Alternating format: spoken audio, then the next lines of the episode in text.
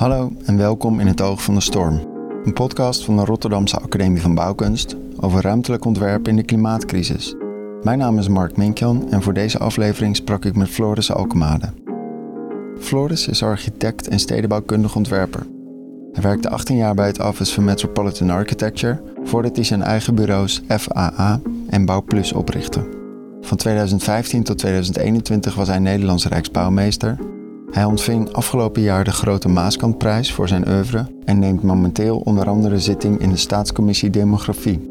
Ik sprak met Floris over de positie die ontwerpers kunnen, of misschien wel moeten innemen tegenover de verschillende maatschappelijke en planetaire opgaven waarvoor we ons nu bevinden, en hoe ontwerponderwijs hieraan kan bijdragen.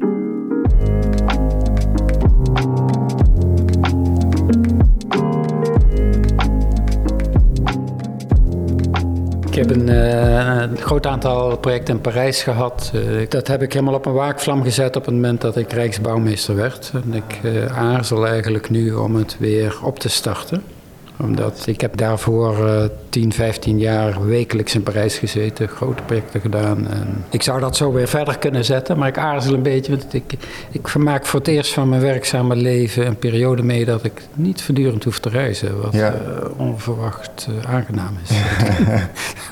ja, en heeft het dan ook mee te maken dat je soort van dat je nou, het lijkt alsof je wel een hele grote commitment of bevlogenheid ook voelt met, uh, met de Nederlandse situatie. Nee, absoluut. Wat dat betreft merk ik ook dat een aantal lijnen van mijn Rijksbouwmeesterschap doorlopen. Ik ben enerzijds weer als architect bezig, hè, samen ja. met andere bureaus. Maar ik zit nu ook in, uh, in de staatscommissie Demografie. Dat is een, een hele zware uh, commissie die het kabinet moet adviseren ah. op demografische vragen.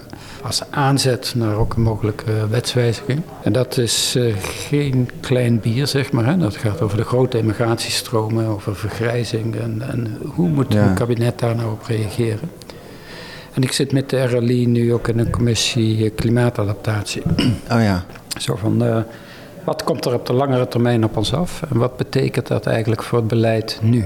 Ja. Ik vind dat ook heel boeiend om op, op dat soort manieren na te denken, omdat dat uh, en ruimtelijke vragen zijn, die verbeeldings- en ontwerpkracht uh, vragen, maar die ook allereerst uh, sociaal-maatschappelijke vragen ja. zijn. Hè? Van, van, wat wil je nou als land? Hè? Wie Precies. wil je zijn? Hè? En hoe ga je om met enerzijds vluchtelingenstromen en anderzijds een bedrijf als ASML wat nu per maand 650 man aanneemt die allemaal in zo'n omgeving gehuisvest moeten worden. Boeien, boeiende vragen. Ja, en dat voedt dus direct aan, uh, aan beleidskeuzes. Ja, nee, en dat is natuurlijk waar, uh, waar we nu tegenaan lopen. Dat uh, uh, nog maar een uh, klein aantal jaar geleden werd een ministerie als From opgeheven, werd de Rijksplanologische Dienst opgeheven. Allemaal met het idee van Nederland is ongeveer klaar, hè? we weten ja. nu wel hoe het moet. Ja. En wat we nu zien is dat eigenlijk bijna op ieder denkbaar ruimtelijk domein alles plotseling onzeker wordt. En dat is natuurlijk te maken met, uh, met demografische veranderingen. Hè? De, de groei van de bevolking op dit moment is uitsluitend buitenlandse migratie. Hè? Dus wat betekent dat? Mm -hmm. Wat betekent de vergrijzing? Wat betekent uh, de klimaatverandering? Hè? De klimaatadaptatie, dat vraagt heel veel ruimte. De, ja. die, die woningbouw vraagt veel ruimte. De landbouw moet helemaal hervormd worden. We hebben een natuuropgave, we hebben verdrogingsproblematiek. Dus is plotseling ieder ruimtelijk domein tegelijkertijd vraagt een fundamentele herziening van alles wat we de afgelopen decennia vanzelfsprekend ja. vonden. En, ja, het beleid uh, heeft, heeft, heeft geen idee nog. Nee. En, um, en dat valt ook niet op al die onafhankelijke domeinen op te lossen natuurlijk. Nee. En dat is natuurlijk wat, wat je nu heel duidelijk ziet in die bestuurscultuur die zo sectoraal georganiseerd is dat stelselmatig de oplossing binnen de ene sector uh, het probleem in de andere sector vergroot. Hè? Dus we gaan inzetten op woningbouw van, oh ja, jammer voor de natuur, jammer voor de landbouw. Hè? Terwijl de kunst natuurlijk is, van kun je al die zaken als één opgave gaan lezen. Maar daar is het beleid niet op, op ingericht. Nee, ja, over die uh, integraliteit noemen mensen het dan altijd. Ja. Uh, daar wil ik het heel graag met je over hebben. Ik heb nog geen welkom gezegd. Floris, welkom in deze dank je, podcast. Dank, je. We zijn meteen uh, aan de slag gegaan. Ehm, dat is ook waarover ik graag met je wil praten. Over die ontwerpcultuur en, en daaraan vasthangend beleidscultuur. die jij graag zou zien in relatie tot die maatschappelijke ruimtelijke uitdagingen waar we ons, waar we ons nu middenin bevinden. Uh, en daaruit voortvloeiend over jouw ideeën over ontwerponderwijs.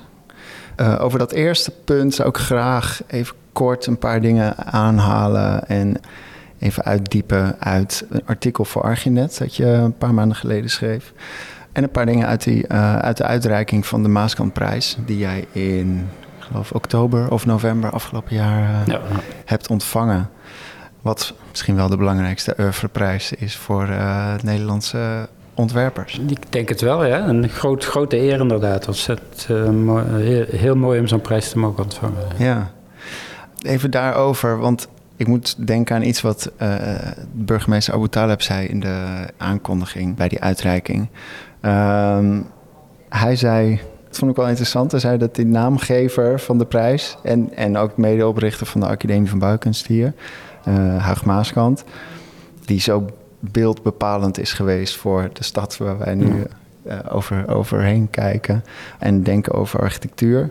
Maar dat het werk wat hij maakte ook gewoon. En volgens mij quote ik hem, burgemeester Abu Taleb, bijna letterlijk. Het was het resultaat van ongebreidelde vieze groei. Volgens mij nam hij die woorden in de mond. En dat is natuurlijk allemaal voortschrijdend inzicht. 60 jaar geleden golden die grondstof als olie en beton natuurlijk uh, als een soort drijfveren van vooruitgang. Uh, daar kijken we nu iets anders naar. En ik was wel benieuwd, kun jij zeggen wanneer bij jou dat inzicht indalen van het soort van het gewicht of de, de, zeg maar de belasting van architectuur en stedenbouw op de, op de planeet? Nou, ik denk uh, dat het begonnen is met mijn gesprekken met REM. Uh, ik heb uh, natuurlijk lang als partner geweest bij Office for Metropolitan Architecture. Met REM veel gesproken over het belang van architectuur. Waarbij REM zelf vaak zei van ja, maar de architectuur gaat gewoon helemaal nergens meer over.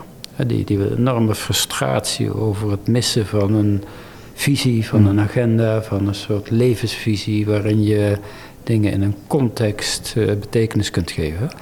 De architectuur teruggebracht tot een soort mooimakerij, hè, waarin we allemaal uh, meedoen. En, dat is natuurlijk iets wat uh, gevolg is geweest van het feit dat een, een, een, een eh, ruimtelijke agenda, die heel lang door overheden vanuit ook een vorm van idealisme gegroeid is, helemaal verschoven is naar een marktmechanisme.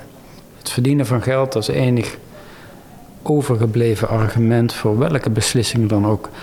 Eh, met een soort vreemd gevoel van, oh ja, maar hè, uh, al die marktwerking zal toch ook wel een goed antwoord geven. En dat verhaal is zo ontzettend mager. En uh, het frustreerde mij enorm hoe uh, de hele architectuurwereld dociel erachteraan loopt van uh, oké, okay, de markt, oh ja, die bepaalt, dus wij moeten de ontwikkelaars, de marktpartijen bedienen en niet te kritisch zijn, hè, anders raken we onze opdrachtgevers kwijt.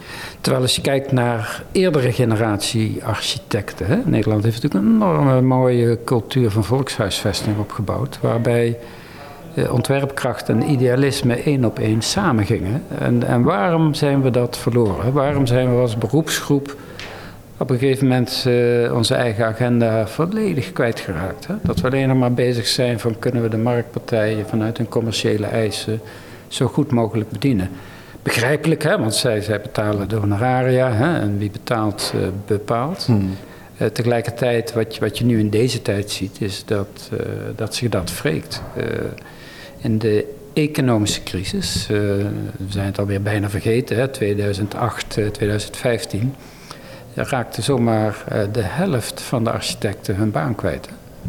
In één, beweging weggepoetst van uh, ja, die mooimakerij kunnen we ons nu niet veroorloven. Dus je ziet hoe kwetsbaar je bent als je als, als beroepgroep geen eigen verhaal hebt. Het boeiende van de komende tijd, en dat is eigenlijk ook een van de redenen waarom ik toen uh, uiteindelijk Rijksbouwmeester ben geworden in 2015, is dat we nu een hele andere stelsel vragen krijgen. Die hebben te maken met die grote thema's als de klimaatverandering, als uh, de afnemen van de biodiversiteit, met uh, de hervorming van de landbouw, de woningbouw, alles. Hè. Um, daar zit een soort uh, noodzaak in om de architectonische manier van denken, hè, het ontwerpgericht eh, denken, het eh, denken in termen van verandering en aanpassing, om die op een veel breder veld toe te passen. En dat is nu nodig. En dat is precies wat op dit moment ontbreekt. Als je kijkt naar de politiek, die zijn gevangen in een termijn van vier jaar, waar je enorme beloftes en dan ook nog iets waar moet zien te maken. Ultiem korte termijn denken, waar lange termijn denken nodig is. Hetzelfde zie je bij alle marktmechanismes. Hè. Return on investment, terugverdienen van je investering. Ja, één jaar is al veel. Hè? Ja. Dus er ontbreekt eigenlijk een sturende kracht, een sturende visie die wel die langere termijn en die wel die integraliteit in zich opneemt. En uh, daarvoor hebben we specialisten in verandering nodig. Uh, specialisten in verandering herken ik in twee domeinen. Enerzijds in de wetenschap. Mm -hmm. Ik denk wetenschap als wetenschap is een enorm creatieve, creatief beroep. Waarin je moet twijfelen aan dat wat we allemaal zeker denken te weten. En in een gespiegeld universum zit de ontwerp en de creatieve sector. Die moeten zeker weten waar ze aan twijfelen. En uh, dat, dat vermogen om niet vanuit zekerheden, maar vanuit twijfel te werken, dat is echt eigen aan de ontwerpwereld. En ook dat vermogen om de langere termijn, de integraliteit uh, te, te overzien. Dus ik heb ook altijd gezegd van uh, naast de politieke en de markt een derde macht en dat is de macht van de ontwerper. En die macht die moeten we weer naar ons toe halen, want de politiek en de markt zijn niet in staat om op dit moment de juiste antwoorden te formuleren. Nee, dus daar, daar, daar moet een, een soort nieuw domein worden afgebakend of bevochten. Um, hoe, hoe ja, zie je dat voor ik, je? Dat, nou, dat, dat, um, ik denk dat we als beroepsgroep te lang te nederig zijn geweest. En nederigheid en architectuur, dat gaat eigenlijk nooit goed samen. Hè? Dat, je hebt een zekere mate van hubris, van overmoed nodig. Mm. Met het idee van, ja, maar ik heb de betere inzichten. Ik heb het, het vermogen om te doen. En dat gaat dus veel verder dan uh, het mooi maken van dingen. Ik denk dat dat een van de, van de misschien wel de grootste problemen van de Nederlandse architectuur is. Dat we zo'n goede ontwerpcultuur hebben. Ja. Dat we alles mooi kunnen maken. Sterke beeldcultuur. Sterke beeldcultuur, aantrekkelijke vormgeving en uh, slimme oplossingen. Maar we zijn alleen nog maar bezig met het formuleren van de antwoorden. Uh, ja. Waar nu de vraag over moet gaan, is het herformuleren van de vraag zelf. En dat vraagt een andere instelling, dat vraagt een andere, ander, ander domein van nadenken.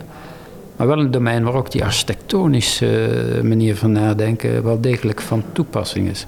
Het op, goed, op een goede manier definiëren van de nieuwe vraag is ook een creatief proces. Ja. En, uh, en, dat is eigenlijk waar, waar uh, de, de komende tijd over kan gaan. En, en in die zin is het ook iedere generatie moet zijn eigen agenda definiëren. Want je, noemde net al even, oh ja, die fossiele brandstoffen hè, van de jongens, hè, hoe konden ze? Dankzij de fossiele brandstoffen heeft Europa zijn bossen terug. In de, in de late middeleeuwen, in de 16e, 17e eeuw, had Europa bijna geen bossen meer. Al onze sprookjes gaan over houthakkers, hè? want dat was het vak op dat moment. En dat had je nodig als bouwmateriaal, als brandstof.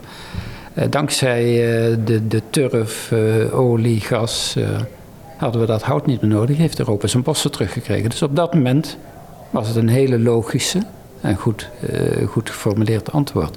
In deze tijd hebben we andere oplossingen nodig. En ik, uh, wat mij altijd fascineert is het, het, onvermogen om te geloven in, in het uh, mogelijk maken van andere oplossingen. Als ik kijk naar uh, een van de meest hoopgevende zaken op dit moment, is hoe snel die energietransitie gaat. Hoe snel de prijs van zonne-energie en windenergie aan het afnemen is. En ik, ik, las laatst een mooi interview met iemand, een wetenschapper, die zijn hele leven aan de ontwikkeling van zonnepanelen gewerkt had. Die ging met pensioen. En die zei van ja, iedere keer dachten wij als wij met die zonnepanelen rendement van 20% zouden kunnen halen. Hè. Dat was de holy grail, hè. het maximum denkbare rendement. En hij zei, nu neem ik afscheid. Hè. Nou, die 20% dat, dat zit gewoon in de, de nieuwste modellen. Maar inmiddels zijn er ontwikkelingen om meerlaagse systemen te maken. En we kunnen misschien wel naar 45%. Hè. En hij zei, in heel mijn carrière, wat ik telkens weer meemaakte, is dat wat we dachten dat niet mogelijk was, toch mogelijk was. Alleen omdat we het wilden. En ik denk dat dat eigenlijk de, de, de opdracht aan onze tijd is. Ga nou niet bedenken wat wel of niet mogelijk is, ja. maar bedenk wat je eigenlijk zou willen. Want dat, ja. dat kunnen we dan mogelijk maken. Ja, en dat, dat vergt dus een soort loslaten van uh, dat wat je al kent en de manieren van doen die je gewoon bent. Ja, dat, dat is natuurlijk het leuke van de komende tijd. Hè? Eigenlijk sinds de industriële revolutie hebben we niks anders gedaan dan telkens hetzelfde. Alleen slimmer, sneller, met betere machines, betere materialen. Maar niet wezenlijk dingen veranderd. Hè? Als je kijkt bijvoorbeeld naar de ontwikkeling van de auto. Hè? Ja, ze zijn sneller, ze zijn sterker, ze worden steeds groter, die dingen. Hè? Ze worden nu elektrisch, maar in wezen is er niks veranderd. Hè?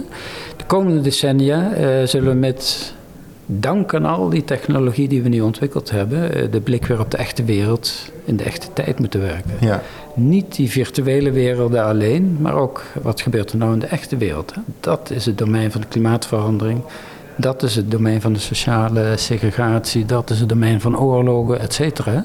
Dus daar moet de aandacht naartoe. En uh, ja, dat, dat vraagt veel meer uh, creativiteit, verbeeldingskracht.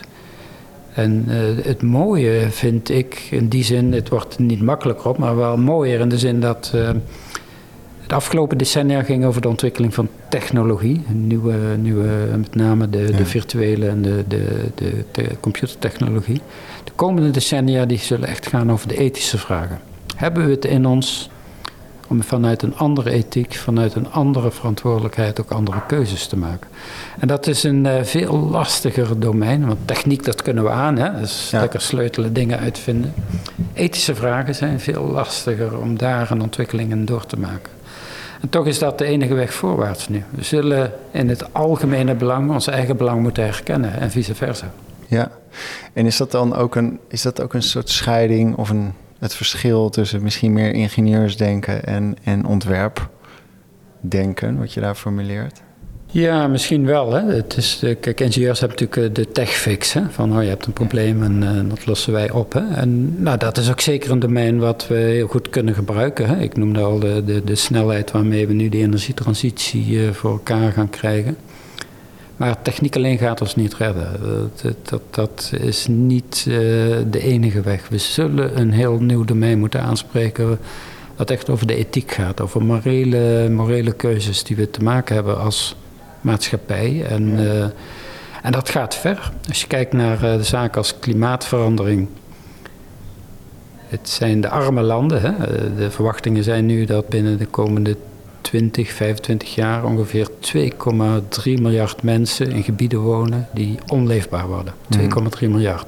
En dat zijn de armste mensen en de armste landen. Die het minst verantwoordelijkheid dragen voor die klimaatverandering. En, en dat is een vorm van zo'n fundamenteel onrecht. En hebben we het nou in ons om die verantwoordelijkheid wel te nemen? En, uh, en dat speelt ook op nationale schaal. Ik, ik, woon in eh, Brabant, in de provincie. En uh, we kennen natuurlijk allemaal de opkomst van BBB, hè, die boerenpartij. En ik las daarna een interview in de NRC. Hadden ze een aantal Amsterdammers geïnterviewd. En de kop over de titel was van ja, maar in de stad begrijpen we nu ook eenmaal sneller wat er echt aan de hand is. Dus de, de, de arrogantie ja. spatte er natuurlijk vanaf. En, en dat is denk ik wat dit deze tijd over moet gaan. Het besef van een eigen verantwoordelijkheid. Het gemak waarmee nu naar de boeren wordt gewezen van ja, jullie doen het fout, je moet het oplossen. Ja. Terwijl natuurlijk wat de boeren doen is een gevolg van de keuzes die wij maken. Maar ook een gemiddelde stadsbewoner heeft een ecologische footprint die veel groter is dan van, uh, van een gemiddelde plattelandsbewoner. Trouw had er een mooi onderzoek van. Uh, de grootste vervuilers zijn uh, voorspelbare mannelijke VVD-stemmers. Dat, ook D66-stemmers, uh, eh, grote ecologische footprint. Dus ik hoop dat ook zo'n overwinning van de BBB niet alleen gezien wordt van ach, die verrekte stomme boeren, die hebben niet door wat er aan de hand is, maar vooral van misschien moeten we zelf ook stappen zetten. Hè? En, ja. en, daar moet het verhaal natuurlijk over gaan, de, de collectieve verantwoordelijkheid. Want uh, niemand ontkomt aan grote transities. En we zullen allemaal keuzes moeten maken die, die op eerste gezicht lastig zijn, hè, want verandering. Uh, maar goed, dat is wel waar, waar we naartoe gaan en waar we uiteindelijk ontzettend veel plezier aan gaan beleven. Ja, ja dat, dat, daar wil ik het zo ook nog wel even over hebben. Uh, dat plezier natuurlijk. Um, ja, dus het vergt veel meer ja, een soort culturele transformatie of transitie in plaats van die, die meer technologische transitie. Het is iets waar, waar wij in deze podcast ook wel vaker op terugkomen met verschillende gasten. Van hoe, hoe zie je die soort van. Ik, ja, ik weet niet of het een spectrum is of een dichotomie, maar hmm. tussen zeg maar groene groei, oftewel ja, green growth, en aan de andere kant het idee van degrowth. Groene groei, gaat, dat gaat natuurlijk meer uit van hoe kunnen we onze cultuur zoals die nu is ja, bestendigen en uh, aan de gang houden. Terwijl we zeg maar overschakelen op, uh, op hernieuwbare energiebronnen bijvoorbeeld. Terwijl die degrowth, dat, dat is een meer fundamenteel... Dat, dat heeft ook zijn problemen in zich qua theorie... maar het is een soort fundamentele herziening van... Um, hoe willen we eigenlijk samenleven? En hoe, hoe, hoe, gaan we met elkaar om? Um, en hoe uh, gebruiken we de, uh, het landschap waarop we bewegen en bestaan? Ja.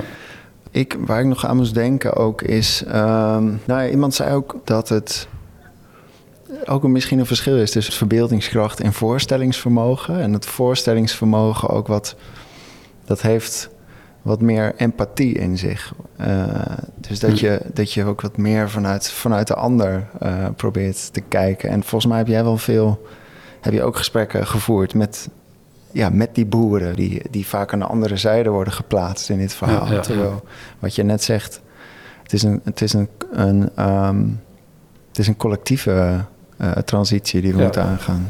Nee, zeker. Ik heb veel met, veel met boeren gesproken. Hè. Ik kom van het platteland, ik ken veel boeren. En het gaat me aan het hart hoe we nu eigenlijk in één generatie een hele boerencultuur aan het uitgummen zijn. En kijk, die boeren zijn allemaal in de fuik gezwommen. Tot de Tweede Wereldoorlog was het de trots van een boer om geen schuld te hebben. Nu zitten ze allemaal torenhoge hypotheken.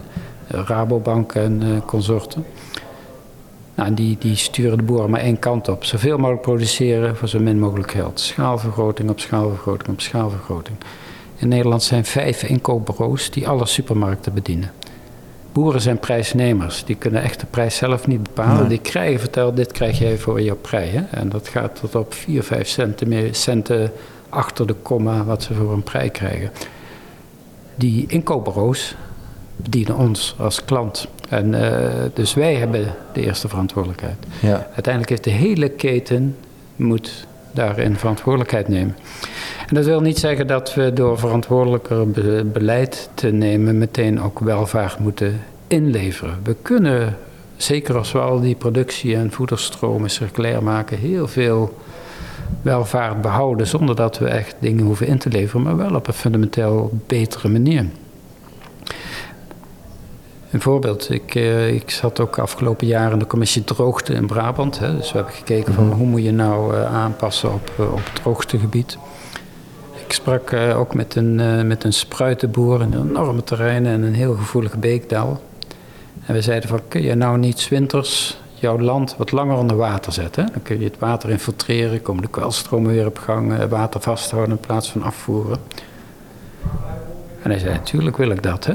Ik, mm hè, ik, ik, dat gaat me aan het hart, hè, die verdroging. Uh, ik doe het meteen als jullie de Albert Heijn weten te overtuigen dat ik mijn spruiten drie weken later mag leveren. Mhm. Want dat mag ik niet. Hè?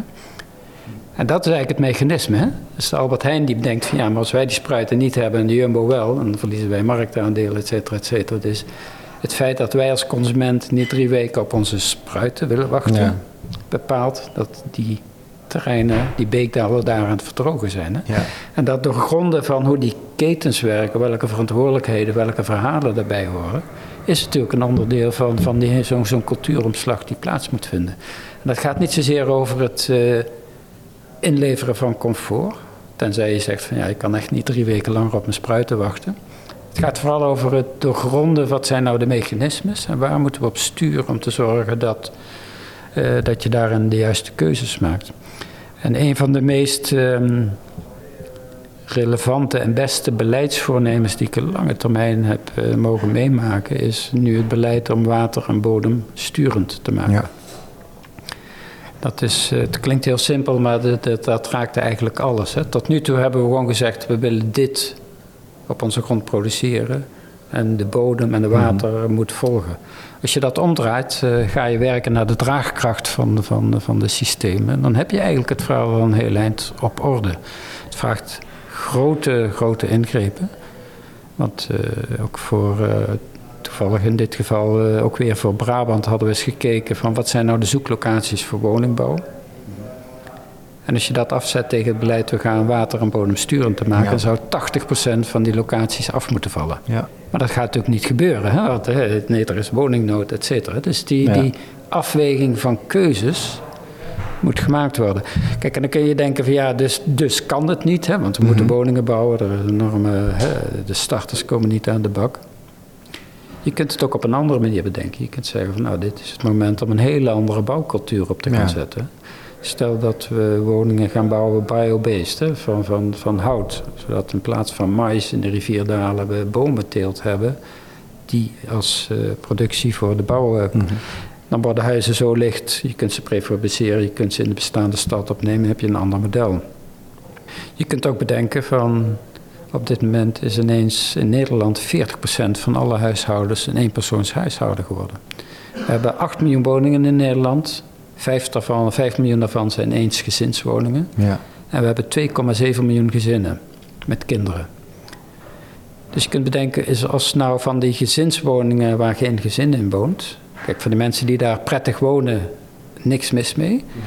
Maar als je daar een derde van zou splitsen, Ja.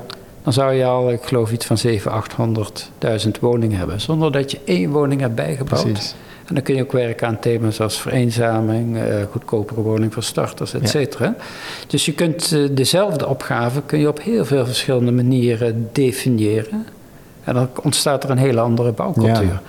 En dat mis ik eigenlijk in, op dit moment. Hè. Er is, eh, oh ja, woningnood, bouwen, bouwen, Ja. bouwen. Hè. En eh, alsof, alsof we maar één model hebben. Precies. Eh, maar één antwoord eh, op alle vragen, terwijl de vraag fundamenteel anders Ja. is geworden. Er wordt niet uitgezoomd en gekeken van welke, welke vraagstukken liggen er nog meer en hoe kunnen we die Ja. combineren. Nee, terwijl zowel het CBS als het IMF de Nederlandse regering nadrukkelijk gewaarschuwd heeft van eh, besef, er is een groot verschil tussen betaalbaarheid van de woningen en de schaarste Ja. op de woningmarkt. En die betaalbaarheid, dat is eigenlijk het grote probleem op het moment.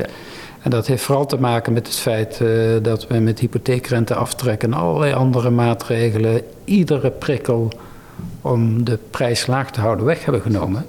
En daardoor eh, hebben we een hele groep huizenbezitters schatrijk gemaakt en een hele groep starters eh, volledig buitenspel gezet. Ik zag ook dat ehm, van al het nieuwbouw die nu wordt gerealiseerd, volgens de, zeg maar de betaalbaarheid of de, ik geloof, de, de, de- het vermogen om een hypotheek te kunnen krijgen, eh, iets van 4% beschikbaar is voor starters. Nee, dat is, dat is zo'n zo'n tragische ontwikkeling. Hè? Want, eh, vanuit de staatscommissie hadden we toevallig vorige week een jongerendag georganiseerd. Een paard van Troje in Den Haag. eh, ik geloof dat iets van 150 jongeren hadden gewoon eens te spreken. Oké, maar hoe zien jullie nou de toekomst? Hè? En allemaal, hè? van ja, ik, ik, ben- ik ben aan het studeren of ik ben hier aan het werken of daar aan het werk. Maar ik weet, ik, ik heb geen toegang tot de woningmarkt. Hè? Dus Ja. het hele idee van eh, ik heb een soort visie of een soort beeld van hoe ik mijn toekomst wil opbouwen, stopt al meteen van oh ja, maar ik kan helemaal geen woning krijgen. En dat grijpt zo ver in in iemands leven, hè, dat, dat we daar niet meer verantwoordelijkheid voor nemen. Kijk, en dan, ja, de markt denkt van nou, we gaan gewoon eensgezinswoningen bouwen. Ja, die zijn ook voor die starters onbereikbaar. Ja. En Terwijl- onnodig. En onnodig, hè? we hebben ontzettend veel eengezinswoningen. En, eh, ik heb als Rijksbouwmeester ook een aantal programma's gedaan. Eentje was Who Cares? Hè? Dat ging Ja. over hoe gaan we nou wonen en zorg combineren. We hebben daarbij een aantal oudere alleenstaanden geïnterviewd... Hè, die in een huis woonden wat eh, destijds als gezin gebruikt werd. En dan vroegen we, wilt u verhuizen? Hè? Want de ouderen willen niet verhuizen. Mhm. En, eh, nee, nee, ik wil niet verhuizen. En als je dan verder vraagt, dan zeggen ze van ja, eh, de tuin is eigenlijk veel te groot. Ik kan hem niet meer onderhouden. En ik slaap van beneden, want ik kan de trap niet op. Maar eh, ik wil echt niet verhuizen. Hè? Want, zeggen ze dan, ik wil wel in mijn eigen buurt blijven. hè. Want Ja. hier ken ik de mensen en ik ga echt niet in een andere buurt. En ik heb er wel zitten kijken, maar ik kan niks in deze buurt vinden. En wat ik kan vinden, dan betaal ik ineens twee of drie keer meer huur dan Ja. wat ik nu heb. Hè. Dus als je wat verder vraagt, dan zie je dat heel veel mensen wel degelijk willen verhuizen, maar alleen niet het aanbod hebben wat aansluit op hun woonvragen. En dat betekent dus dat eh, dat we met 40% eenpersoonshuishoudens, en dat gaat nog groeien, Ja. Enorm veel woonoppervlak per inwoner Ja. hebben. Eh, als je daar een andere verdeelsleutel op hebt, dan heb je al heel veel mogelijkheden. Met name ook voor die starters. Ja, precies. Voor een deel is het ook is het een fiscaal vraagstuk. Is, dat, is daar de druk al weg te nemen door Ja. op een andere manier met, met bijvoorbeeld woningbezit om te gaan? Ehm, en het soort cultureel beeld, het cultureel ideaal van eigen woningbezit en de wooncarrière die Ja, een alsmaar grotere woning dient op te leveren. En daar zit hem ook die, ja, daar mist ook wat voorstellingsvermogen of, of verbeeldingskracht, hoe je het wilt noemen. De, zeg maar de alternatieven voor Ja, nou, bijvoorbeeld die ouderen die, die groot en alleen wonen. eh, die, die zien ze nergens om zich heen. Dus ze kunnen dat ook nog niet willen, omdat ze Ja. niet weten dat ze het kunnen willen. Nee, ik, ik, ik zeg wel eens, in de middeleeuwen had je meer keuze in woontypologieën dan nu. Hè? Het is nu of een appartement of je hebt een eh, vrijstaande of eh, in ieder geval een gezinswoning. En het mooie van, van die oude typologie is dat ze veel rijker spectrum aan, aan ehm, woonvormen boden. En, kijk, we hebben alle bejaardenhuizen gesloten, maar dat wil niet zeggen dat er geen vraag is naar ouderenhuisvesting, eh, ook deels collectief, waarbij je zorg eh, collectief kunt inkopen. En een van de woontypologieën die in, met name in Nederland en in Vlaanderen al sinds de vroege middeleeuwen bestaat, is die van een woonhof. Ja. En dat klinkt altijd enerzijds heel kneuterig, maar het is een perfecte woonvorm voor deze tijd en voor, voor de demografische ontwikkelingen die we nu meemaken. Dus dat je een eigen woning hebt en een gemeenschappelijke tuin, hè? zodat mensen elkaar eh, er in de gaten houden in de zin van eh, zorg voor elkaar kunnen dragen. Ook zien als ergens gordijnen niet open gaan. Maar je kunt dus ook bedenken van je kunt zo'n systeem verder zetten. Van, eh, als je zo'n woonhof maakt, je kunt dat ook heel goed stedelijk maken, meerdere verdieping. Je kunt dan ook zeggen van in plaats van een hele dure parkeerkelder, investeren we in deelauto's. Hè. Met name ouderen, ze gebruiken een auto natuurlijk al veel minder. eh. dus je kunt gewoon met het systeem van deelauto's het overbodig maken om een grote parkeerkelder te Ja. maken. En dan een fractie van dat geld kun je investeren in een prachtige luxueuze tuin. Hè? Ja. En, eh, dus je kunt ineens in hele andere systemen gaan denken. En dan zie je dat er met veel minder investeringen veel meer mogelijk is dan Ja. het maar doordenderen op de systemen zoals we ze al kennen. Ja. Dat er opeens toch een hele genereuze leefomgeving ontstaat, terwijl je misschien het gevoel hebt dat je dingen zou moeten inleveren.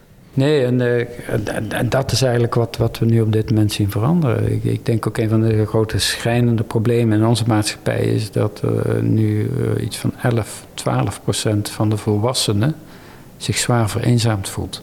En dat is een enorme grote groep. En dat zijn niet alleen ouderen, dat zijn alle leeftijdsgroepen. vereenzaming onder studenten is tegenwoordig een groot probleem. En dat heeft echt gewoon te maken met eh, ontmoet je elkaar nog? Ja. En hoe richt je daar een stad, hoe richt je daar de, de, de publieke ruimte op in? Ja. En, eh, ja, daar moet je als ontwerper over nadenken. En ehm, ik denk dat eh, het, het gemak waarmee we onze steden de afgelopen decennia in hebben gericht voor de auto-infrastructuur, dat we dat gemak moeten inleveren voor, voor echt weer een nadruk op de stad als publieke ruimte, als ontmoetingsruimte. En hopelijk is dat ook een van de lessen die we van de, van de coronatijd hebben geleerd. Dat het hebben van fysieke contacten een absolute wezenlijk onderdeel is van ieders leven. Ja, absoluut. Nou, dit, dit, eh, dit raakt ook aan het artikel wat je schreef, of eh, de brief eigenlijk, in reactie op de, het ministerie van Maak, eh, die ook is gepubliceerd op, op Arginet. Ehm, nou ja, maar binnen het huidige systeem, hoe, hoe neem je dan zo'n rol in als ontwerper? Waar, waar, kun je, waar kun je het verschil maken? Nou, door, door eh, niet af te wachten, maar naar voren te stormen. Zonder enig gevoel van verlegenheid of schaamte. En eh, ik zei al, hè, deze tijd gaat over het herformuleren van vragen. Dus Ja. zorg dat je aan tafel zit op het moment dat de vragen gedefinieerd worden. Ik, ik heb als Rijksbouwmeester natuurlijk veel met het Rijksvastgoedbedrijf eh samengewerkt. En dan zie je iedere keer hè, dat zo'n projectmanager heeft dan een budget, een, een project, een planning. En Ja, en dan kom ik aan van, oh ja, het moet ook nog duurzaam, je moet ook nog eh, de buitenruimte. En dan is daar helemaal geen ruimte voor in die planning en uh, een budget, dat kan niet. eh. Maar als je aan tafel gaat zitten op het moment dat de vragen gedefinieerd worden. En die duurzaamheid en de publieke ruimte wordt een onderdeel van de vraag die hij als projectleider krijgt. Nou, dan past het wel. Hè? En zo geldt het eigenlijk voor alles. Hè? Dus ik denk aan die, aan die ontwerpwereld. Wacht niet tot de projectontwikkelaar naar jou toe komt, maar ga naar de projectontwikkelaar toe. Hè? Bedenk van, nou ja, dit stuk stad zouden we zo kunnen ontwikkelen. En probeer daar ook uh, coalities te maken. Uh, kijk van wat is nou het belang van het waterschap in zo'n stuk stad. Hè? We hebben hmm. hittestress. We moeten uh, onze woningen van de, van de hemelwaterafvoer van de riolering afkoppelen. Wat betekent dat voor de groene ruimte? Kunnen we die daarmee stimuleren? Kunnen we tegelijkertijd werken aan het toevoegen van woningen voor een andere typologie, voor et cetera. Dus, dus heb een visie, heb een plan. En ga dan niet wachten totdat de telefoon gaat, maar, maar uh, ga naar voren en neem zelf het initiatief. En koppel gemeentes, waterschappen, natuurorganisaties, bewonersgroepen, ontwikkelaars aan elkaar en zorg dat je je verhaal op orde hebt. Ja, het vergt ook wel een, uh, bepaalde vorm van ondernemingszin. Ja, en dat. Uh, en ja, ondernemerszin, of in ieder geval van, van uh, overmoed en van mm -hmm. verantwoordelijkheidszin. Hè? En, uh, kijk, maar ik denk, uh, kijk, overmoed klinkt altijd van, oh ja, je wilt meer dan dat je kunt. Maar ik denk, ehm, laten we nou maar eens een keer meer willen dan dat we kunnen. Ja. Hè? Eh, daar, daar zit toch de sleutel van een beweging in. En, ik, zelf kom, uh, ik, ik, noemde het al even bij het Office van Metropolitan Architecture. Ik werkte eigenlijk in de beginjaren, de jaren negentig van dat bureau. Uh, we hadden 0,0 ervaring. Hè? Uh, alleen verbeeldingskracht en heel veel bluff. Hè? En, en daar kun je werelden mee veranderen. Als je maar weet wat je wilt. En, ehm, dus begin met te bedenken van wat willen we eigenlijk. En ga dan nergens voor opzij op het moment dat je denkt van dit moet er gebeuren. Ja. Ja, en dat heeft ook te maken met je, met je uitspreken en je ambitie durven formuleren en delen. Ja. Uh, en dat, ja, dat vind ik wel interessant. Dat, uh, er zijn genoeg architecten die dat, die dat wel doen, maar het lijkt niet uh, een soort gedeelde cultuur te zijn van laten we kijken hoe we hier hoe we een soort collectieve, collectieve stem ja. of beweging ook kunnen vormen voor, nou ja, voor iets anders, wat het ook mogen zijn. Nee, de architecten zijn natuurlijk eh, notoire individualisten. Hè? Iedere vorm van collectief is natuurlijk lastig hè, voor, de, voor het karakter van zo'n architect. Tegelijkertijd, uh, ik zie het wel veranderen. Hoor. Ik, ik mm -hmm. geef dan zelf ook als, uh, of heb als lector natuurlijk at de Academie van Bouwkunst in Amsterdam ook gezeten. En, nou, vijf jaar geleden, zes jaar geleden, als ik met de studenten sprak, uh, dan ging het nog over de crisis. En oh ja, hoe, hoe kan ik nou carrière maken en hoe zorg ik nou dit en dat. Hè? En als ik ze nu spreek, is het eh, we gaan dingen anders doen. Hè? Dat, mm -hmm. er, zit een soort, uh, er, er, is een soort nieuw idealisme aan het opkomen, wat ik ontzettend hoopgevend vind. Uh, er worden verantwoordelijkheden genomen, er worden, de, de krachtenspel wordt herkend. En de kunst is nu inderdaad om het onderwijs daar ook op te richten. Om te zorgen dat uh, vormen van het ontwikkelen van idealisme op de goede basis gebeuren. Ja. Kijk, het, het is niet moeilijk om een optimistisch verhaal te vormen. Het is wel heel moeilijk om een optimistisch verhaal te vormen wat niet naïef is. En uh, hoe, hoe kun je daarop werken? Zorgen dat je je informatie op orde hebt. Uh, dat je de, de, de, de structuren doorgrondt, uh, de machtsstructuren doorgrondt. En dat je kunt opereren daar waar de veranderingen plaats moeten vinden. Ja, en dat je de verschillende belangen kunt herkennen en daarop in kunt spelen. Van ook die ook de gevestigde machten. En... Ja. Nou, kijk, en, en ik denk eh, dat dat. Kijk, als architectuur uh, als mooimakerij wordt gezien, uh, dan, dan zijn we binnen een generatie volgen we de boeren. Dan worden we uitgegumd. Ja. Dat, dat, dat is een totaal zinloze exercitie. Waarmee ik niet wil zeggen dat architectuur niet ambachtelijk, esthetisch, et cetera, dat moet het ook zijn. Maar de, de verhaal, het verhaal is veel rijker, veel groter, veel belangrijker dan alleen dat. En, en juist daarin kunnen we nu excelleren. En juist dat is wat politiek en de markt op dit moment uh, nodig heeft. Dus als er ooit een gat in de markt was, is het dat. De politiek, uh, maar ook alle marktpartijen, als ik ze spreek, uh, die managers daar zijn, het zijn geen boemannen. Hè? Maar ze zijn nee. gevangen in een systeem waar ze alleen maar beoordeeld worden op tijd en geld. op het moment dat je als architect of als ontwerpende beroepsgroep een verhaal biedt wat meer is dan dat, eh, dan, dan heb je een open oor en heb je Ja. mogelijkheden. Ja, hoe kun je dat, dat, maar dat gaat natuurlijk ook over hoe kun je andere waarden dan, eh, dan prijs en tijd eh, Nou, incorporeren. dat is, heeft vooral te maken met, met de integraliteit en met de lange termijn. Kijk, als, als je naar een projectontwikkelaar kijkt die eensgezinswoningen in de, in de weilanden bouwt, dat is een logische operatie als je het over een termijn van 2, 3, 4 jaar bekijkt. Maar vaak als je dat over een termijn van 30 jaar bekijkt, is het totaal, eh, totaal idioot. Ja. En eh, dus het valt mij iedere keer op hè, dat, eh, de, de, als ik even de boekhoudersmentaliteit mag noemen, van oh ja, we hebben een verantwoord financieel beleid nodig, is het altijd een verantwoord financieel beleid wat niet verder denkt dan twee, drie jaar. En eh, een verantwoord financieel beleid in de huidige tijd moet minimaal 30 jaar vooruitkijken om daadwerkelijk Ja. eh, verantwoord te zijn. En dat zie je bijvoorbeeld met de aanpassingen voor, voor de klimaatadaptatie. Eh, zowel de IPCC, maar ook TNO in Nederland rekenen die modellen door. En de conclusie is iedere keer, iedere vorm van uitstel is een vorm van verspilling. Ja. Niet als je het over hè, wat de politiek denkt van weet je wat, we kunnen nog wel twee of drie jaar vooruit schuiven hè, en dan lossen ze het dan maar op. Dat is gewoon verspilling. Ja. De, en verspilling door mensen die zeggen van ja, want we hebben een financieel be- beleid te voeren. En dus dat, dat vermogen om te beseffen van hé, hey, je, je moet verder vooruitkijken om daadwerkelijk een verantwoordelijk financieel beleid te hebben.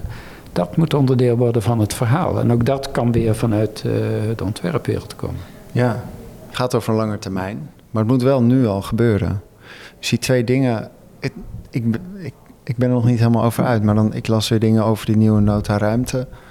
Het, het leek bijna alsof die pas vanaf 2030 begint te rekenen. En, en dan ja, vanuit, de, vanuit de bodem, Mm. vanuit het water ontwikkelen. Terwijl aan de andere kant wordt er gezegd... tot 2030 moeten we 1 miljoen woningen eh, bouwen. Ja. Ehm, maar ja, als we dat doen op de manier waarop we dat eh, lang hebben gedaan. Ja, maar goed, hè, je ziet eh, dat op het moment dat je alleen die korte termijn in ogenschouw neemt, dat je ook buitenspel wordt gezet. Hè. Die hele stikstofdiscussie, de hele, hele bouwmarkt eh, raakt verlamd.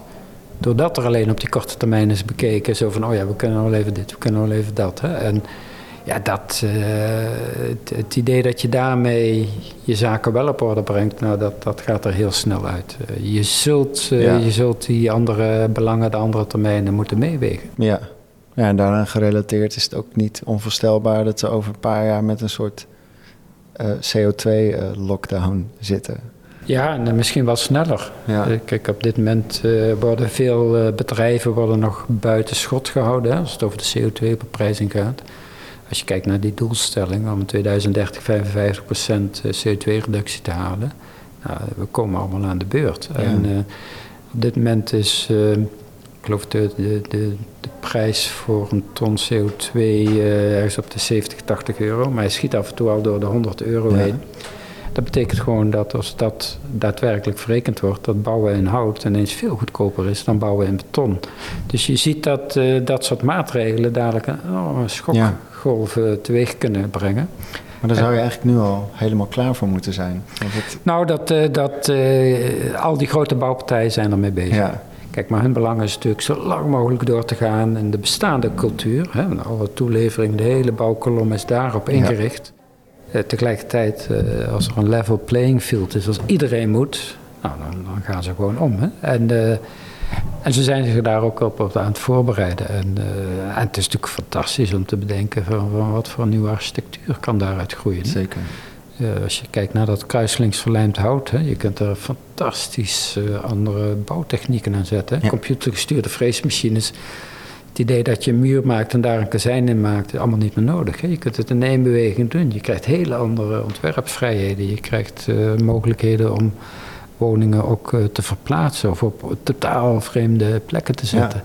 Je krijgt een hele andere, hele andere register aan ontwerpvrijheden. En eh, waanzinnig interessant om daar eh, mee te gaan werken. En we hebben na de Tweede Wereldoorlog eh, al het hout uit de woningbouw eh, weggehaald. Ja. Eh, dit is het moment om het terug te Ja. brengen. Maar misschien ook niet. zo hard door blijven bouwen en dan maar alles in hout, uh, zodat al die bossen waar je het net over had weer. Uh... Nou, kijk, het, de beste manier om, om CO2 op te slaan is via bomen. Ja. En op het moment dat je het gebruikt als een bouwmateriaal, uh, sla je dat ook langjarig op. Ja. En ik, uh, ik kom uit Brabant en daar worden populieren worden niet gekapt, maar geoogst heet dat. Hè? Hmm. Dus dat, dat idee dat je dat een onderdeel maakt van een cyclus, ja.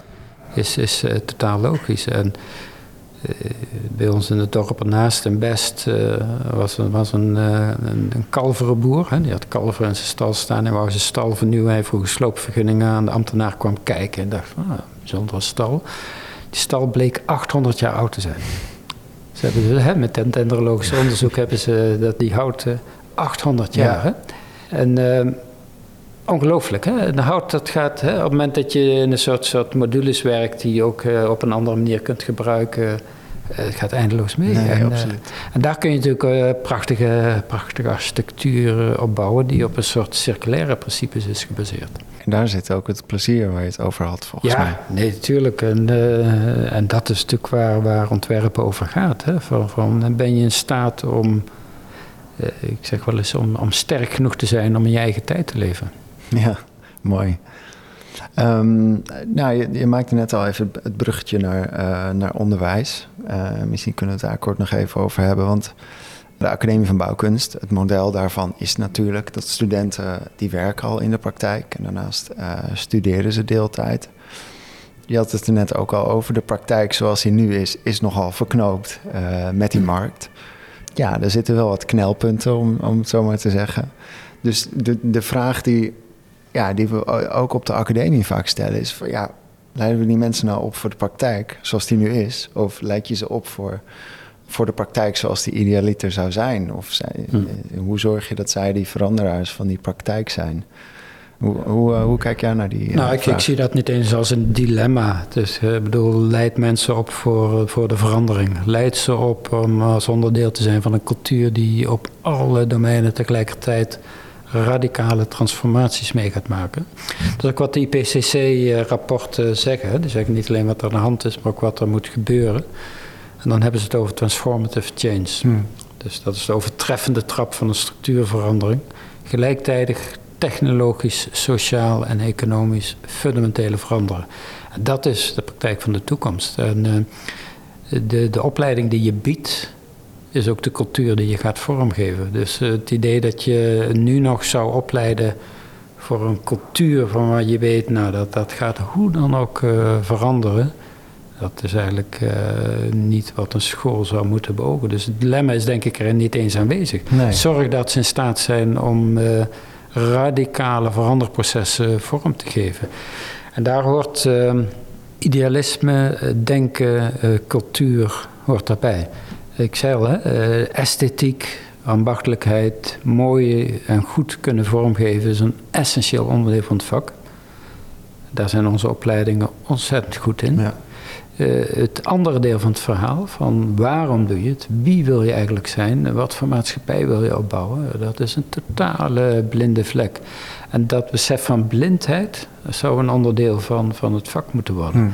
En, um, en dat is iets wat zo moeilijk te doorgronden is. Hè. Ik, wij hadden ook een programma waarbij we in, uh, in Beverwaard, in die wijk, uh, mee opereerden. En daar lieten ze een kunstwerk zien in een buurtpark. Mm -hmm. En ze zeiden, ja, dat, dat kunstwerk is door een tienjarige jongen ontworpen. We hadden op de lagere scholen hadden we een prijsvraag uitgesteld. De kinderen mochten een uh, ontwerp maken. Er was een jongen van, van allochtone afkomst en die had dit. En we hebben bedrijven bij elkaar gezocht die dat kunstwerk financierden. Ja, dat was toch wel, ik geloof iets van 15.000 euro. Hè? Maar die hebben dat, een soort, soort liggende vogel was het, geloof ik. Dan denk je, prachtig hè. Ze maken een buurtpark in een arme buurt, et cetera. Uh, alles goed. En bij de opening enorm protest vanuit de buurt. Hmm. Van, van, van, hoe kunnen jullie nou aan, aan een kunstwerk 15.000 euro uitgeven waar wij s'avonds geen eten hebben? Hè? Dat besef, hè, dat je denkt van je doet alles goed waar je niet in de gaten hebt waar, waar de echte vragen van zo'n ja. zijn. Hè. En er zijn zoveel dingen die wij ook als architecten gewoon niet weten. Ik, heb, ik ben even de getallen kwijt, maar en hoeveel huizen geen eettafel meer is. Dat mensen altijd voor de televisie Hmm. hun eten eten. Gewoon geen eettafel. Hè? En dat je bedenkt van wat voor levens horen daarbij. Hè? Het feit dat in Nederland één op de zes pubers de ondertiteling van de film niet kan lezen. Eén op de zes pubers. Van, van wat is er aan de hand? Hè? En Ja. hebben, we, hebben we dat wel in beeld? Hè? Van, van Ja. hoeveel mensen buiten de boot vallen? Ja. Omdat al onze systemen ingericht zijn op mensen die eigenlijk goed mee kunnen. En dat is natuurlijk een verantwoordelijkheid van, van de ontwerpsector. Om, om een land en een maatschappij in te richten. Juist voor de meest kwetsbaren. Ja, waarin iedereen eh, meekomt vanuit Ja. een soort collectief gevoel. En, en, en, en uiteindelijk zijn al die ontwerpvragen solidariteitsvragen. Ah, mooi. Nou, dat, dat vind ik wel interessant wat je zei over die blinde vlekken. Je moet bijna een heel onderzoekende houding aannemen. Een heel open onderzoekende houding die licht schijnt op zeg maar die donkere, die donkere hoeken waar we nog niet zijn geweest. Ja, en dat is natuurlijk het, eh, ik denk, bewijs van intelligentie is besef van blindheid. En eh, ik denk dat dat, eh, dat is waar onze ontwerpwereld over moet gaan. Het besef van dat we moeten proberen te doorgronden wat we allemaal niet zien. Hè? Op het moment dat er zoveel zaken in beweging aan het komen zijn. En, eh, ik heb bij mijn programma Zomergasten ook even Sartre en de Beauvoir laten Mhm. zien. Hè? Het, mensen die gewoon een hele leven inrichten om te bedenken: oké, maar wat vraagt onze tijd nou? Hè? Dat is eigenlijk de manier van denken die we ons weer eigen moeten maken. En die in een soort vooruitstormend marktdenken volledig buiten beeld is geraakt. En eh, dat is een luxe die we ons niet meer kunnen veroorloven. Lijkt me een mooie afsluiter dit, Floris. Dank je wel voor dit gesprek. Ja, graag gedaan.